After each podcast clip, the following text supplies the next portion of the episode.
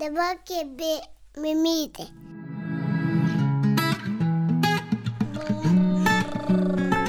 Kaba mama. Sveiki įsijungę tinklalaidę Kalba mamos, su jumis sveikinasi Marija Keršanskinė. Šiandien kviečiu klausyti antrosios pokalbio su psichologe Sigita Valevičiane dalies, kurioje daug dėmesio skyrėme vyro vaidmeniui gimdymo metu, kalbėjome, ką konkrečiai jis gali daryti, kad nuimtų dalį naštos nuo moters ir taptų aktyviu padėjėju, dalyviu, o ne tik stebėtoju, ypač tuo intensyviausiu gimdymo metu. Taip pat kalbėjome apie skausmo slengstį, apie tai, kaip veikia moters smegenys gimdymo metu, kokie hormonai jo metu išsiskiria ir koks jų vaidmuo. Man atrodo, kad labai svarbu ir vertinga žinoti, kaip veikia mūsų kūnas, ypač tokiais išskirtiniais gyvenimo momentais. Kai ką, apie ką kalba Sigita, patyriau pirmojo, o kai ką antrojo gimdymo metu ir buvo ypatingai geras jausmas suprasti, kas su manimi ir mano kūnu vyksta. Ypač žinoti, kad viskas gerai ir nėra ko jaudintis, nei man, nei vyrui, kai gimdymo pabaigoje sugebėdavau pasnausti tarp sąrimių. Taip pat Sigita pasidalino, kaip hipno gimdymas atsirado jos gyvenime, kada ir kaip jį juos susidomėjo ir kuo jis yra išskirtinis. Ačiū, kad klausot. Tai galim pratesti tada pirmą dalį, šiek tiek leistis giliau pakalbėjom apie įvairius e, būdus, kaip galima būtų savo padėti, perlipti per kalnus visokius, kurie ar tikėti ar netikėti būna, ir kartais atrodo, kad jau neperlipsim.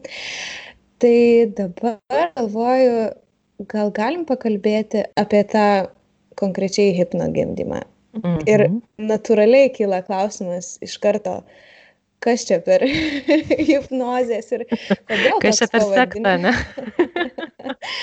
kodėl toks pavadinimas, kas tai yra, kuo čia ypatinga tas hipno gimdymas, bet prieš tai dar labai trumpai gal kaip šitam kelyje atsidūrėt hipno gimdymą. Taip, aš suprantu tą reakciją į tą pavadinimą, nes aš irgi ją turėjau. Tai aš gimdymais jau domėjausi, ne, tai buvo jau kažkoks laikas, kur aš tenais domėjausi visais gimdymais ir, ir jau buvau tam to visoje kelionėje ir atsinu knygą jau pradėjus buvau rašyti. Tai ta visa tema kažkokia buvo mano. Ir aš esu, buvau jau girdėjus apie hipno gimdymą, bet aš labai turėjau keistą asociaciją. Man buvo toks jausmas, kad, e, nu, vaizdas, ne, ar fantazija, kad turbūt ten kažkas tas moteris gimdymo metu hipnotizuoja ir jos nejaučia skausmo. Ir aš galvoju, nu ne, ne, ne, čia tai tikrai, tikrai kažkokia ten ne, ne mano vieta, man per daug čia kažkokio misticizmo tame. Ir aš tai kažkaip labai stūmiau tą hipnogimdymą, nu tiesiog jisai kažkur tenais plaukėjo kaip terminas. Ir aš išvažiavau gyventi į Britaniją. Ir ten irgi buvo, kad aš buvau tarp žmonių, kurie dirba su gimdymais, ir akušeriam, ir, ir, ir dūlom, ir moterim. Ir, nu, Britanijoje tai yra labai populiarus dalykas. Tai galiausiai vis tiek vienaip ar kitaip aš pradėjau suprasti, kad čia nėra visai tai, ką aš įsivaizdavau ir aš pradėjau domėtis tuo ir, ir man labai patiko tai, ką aš pamačiau ir, ir, ir baigiau ten mokslus, va, akušerė, nes ten nemažai akušerių užsima hipnogimdymais. Ir Britanijoje tai yra toksai dalykas, kur žmonės gali netgi pasakyti, atvažiavę į ligoninę, kad mes, mes hipnogimdymą mokėmės, tai personalas dažnai jau net ir žino tam tikrus dalykus, kaip čia yra, niekas ten labai to nemistifikuoja kažkaip. Tai va, tai ir, ir man kuo labai sužavėjo šitas visas reikalas, tai tuo, kad, nu, va, tai yra, kaip ir mes pračioj pradžioj kalbėjom, ten irgi yra daug tuo, kada, ką daro hipnogimdymas. Tai yra, tai yra toksai labai paprasti labai aiškiai paremti moters fiziologija ir moters psichologija ir tuo kas vyksta su jos smegenim ir kūnu. Ir tai yra labai konkretūs būdai ką aš galiu daryti kad aš galėčiau sau padėti ane? Nes mes tikrai e, laukiam to gimdymo ir tikrai galvojam ir skaitom ten ane? Ir ir kartais ten visas komplikacijas bandom perskaityt bandydamos suprasti tai ką kaip aš čia sau galiu padėt o iš tikrųjų tai yra labai tokie į kūną orientuoti labai e, labai efektyvūs būdai kaip sau padėt Ir dažniausiai, kai aš šnekuosi, vad kai būdavo, nebuvo karantino ir buvo galima vesti gyvas, gyvus mokymus, Tai, tai dažniausiai aš darydavau tokius e, leduko testą, kurį galima ir namuose pasidaryti. Tai labai, labai fainas yra, nes jis duoda tokį labai realų patyrimą, kad tai veikia. Nes šiaip čia ten tralelė yra kažkokie dalykai. Tai yra, vat, pasiemi leduką į ranką, ne? Užsistatai minutę ir pirmas darbas susitelkti į skausmą, į tą, vat, ką daro ledukas su tavo ranka. Ir laikytą minutę. Laikai, laikai, laikai, laikai, laikai. Paskui po minutės pasiemi tą leduką į kitą ranką ir tada atsisėdi ramiai ir pradedi kvepuoti. Ne, vat, kai mes kalbėjom pirmoji daly. Tiesiog ramiai kvepuoti, susitelkti į kvepavimą, jeigu mintis nulekia iki to leduko, vėl atgal grįžti ir vėl kvepuoti. Nu ir dažniausiai aš trečią variantą duodavau, galima ir namuose užsileisti YouTube kokią nors meditaciją, ne, pasiemi tą palsėjusią ranką, vėl minutę užsistatai ir klausaisi meditacijos ir ramiai kvepuoji. Ir žmonėm dažniausiai būna, ypač tiečiam, šitoje vietoje būna tokios akis didelios po šito pratimo, nes būna tai, oh, tai kaip čia gali būt kad pirmą kartą aš ten vos tą minutę išlaikiau atrodė amžinybė ta minutė ir ten kokį nors mhm. trečią kartą arba antrą kartą būna jausmas kad net pamiršti kad tas ledukas ant tavo rankų ir atrodo dieve čia tik pora sakinių ir baigės šita meditacija tai va tai tai čia toks labai realus patyrimas ir, ir taip ir veikia. Tai yra tikrai labai paprasti dalykai, jie nėra sudėtingi, nereikia tenais knygų perskaityti ir kažko labai labai išmokti, bet tai yra labai konkretus būdai, kaip savo padėti, labai realūs būdai, ne su savo emocijom, su savo jausmais, su savo pojūčiais, kaip būti. Ne? Tai va, tai, tai man, man labai patiko ir aš, va, pavyzdžiui, dabar va čia kalbant apie tą visą pandemijos situaciją, net ir kalbant, va, kai mes kalbėjom, kad tikrai yra toksai, nu kartais ir su vyru negali, ir, ir viena esi, ne, ir, ir tokių visokių situacijų būna. Iš tikrųjų, tai yra, va, tai yra būdas, kaip aš galiu likti su savim, kaip aš galiu va, e, žinoti, kad jeigu man labai labai baisu ir nesaugu, kad aš užsidedu ausinės, giliai kvėpuoju ir įsivaizduoju, kad aš vat, esu prie tos jūros ar močiutės kaime, ar esu miške, ne, ir vat, šitie dalykai, jie tikrai va šitos pandemijos metu, jie, nu, va šitie būdai, jie yra tas, kas gali būti tai, kas padės. Tai nebūtinai ten išveš viską, ne, tikrai yra sudėtinga gimdyti, ypač jeigu vienai be vyro, ne, tai tikrai yra sudėtinga, čia niekas apie tai net nešneka, bet, nu, tai yra vat kažką tai, ką aš galiu padaryti. Tai va, tai man taip toksai labai, labai fainas dalykas, kuris patiko. Ir kitas dalykas, kas man labai patinka, tai yra tai, kad e, hipnogimdymai dirba su porom ką aš labai supratau, kad tai yra labai labai svarbus dalykas. Ir atsimenu, pirmą e, su kolegė vedėm hipnogimdymų kursą ir vasarą, atsimenu, buvo ir baigėmės ir ten paskutinį ratą jau ten po tų visų susirinkimų darėm ir klausėm, tai kaip čia jums, žodžiu, ten. Ir aš atsimenu tą jausmą, kad tom mamom ten, kur sėdėjo, tai buvo didžiausias efektas, ne ten ta vis, visas turinys, kas vyko, bet kad vyras šitaip įsitraukė. Ir vyrai irgi sakė, nu, aš galvau, čia taip padalyvausiu, nes, nu, prašo, ne? Prašo. Taip, taip, ten. Už rankelės atsivedė, nu, pabūsiu kaip įgimdymą, ne? Ir staiga jos supranta, kad čia yra reikalų ir kad čia rimtas dalykas ir čia labai svarbu ir čia yra daug vyrui ką nuveikti ir čia jiems kaip porai yra labai svarbu ir aišku, jie ten paskui aptarė ten po tų ir aš mhm. supratau, kad nu va čia irgi yra labai svarbus momentas, ką ne tik hipnogimdymai daro, ne čia nais nėra jų kažkoksai konkretus dalykas, bet aš labai supratau, kad nu iš tikrųjų tai yra į porą orientuotas dalykas. Ir kitas dalykas tai yra faini būdai, kurie gali padėti po gimdymo kur vat jeigu ten jausmas yra, kad aš pieno neturiu ir man viskas nesiseka ir aš visiškai bloga mama ir vaikas rėkia, ne?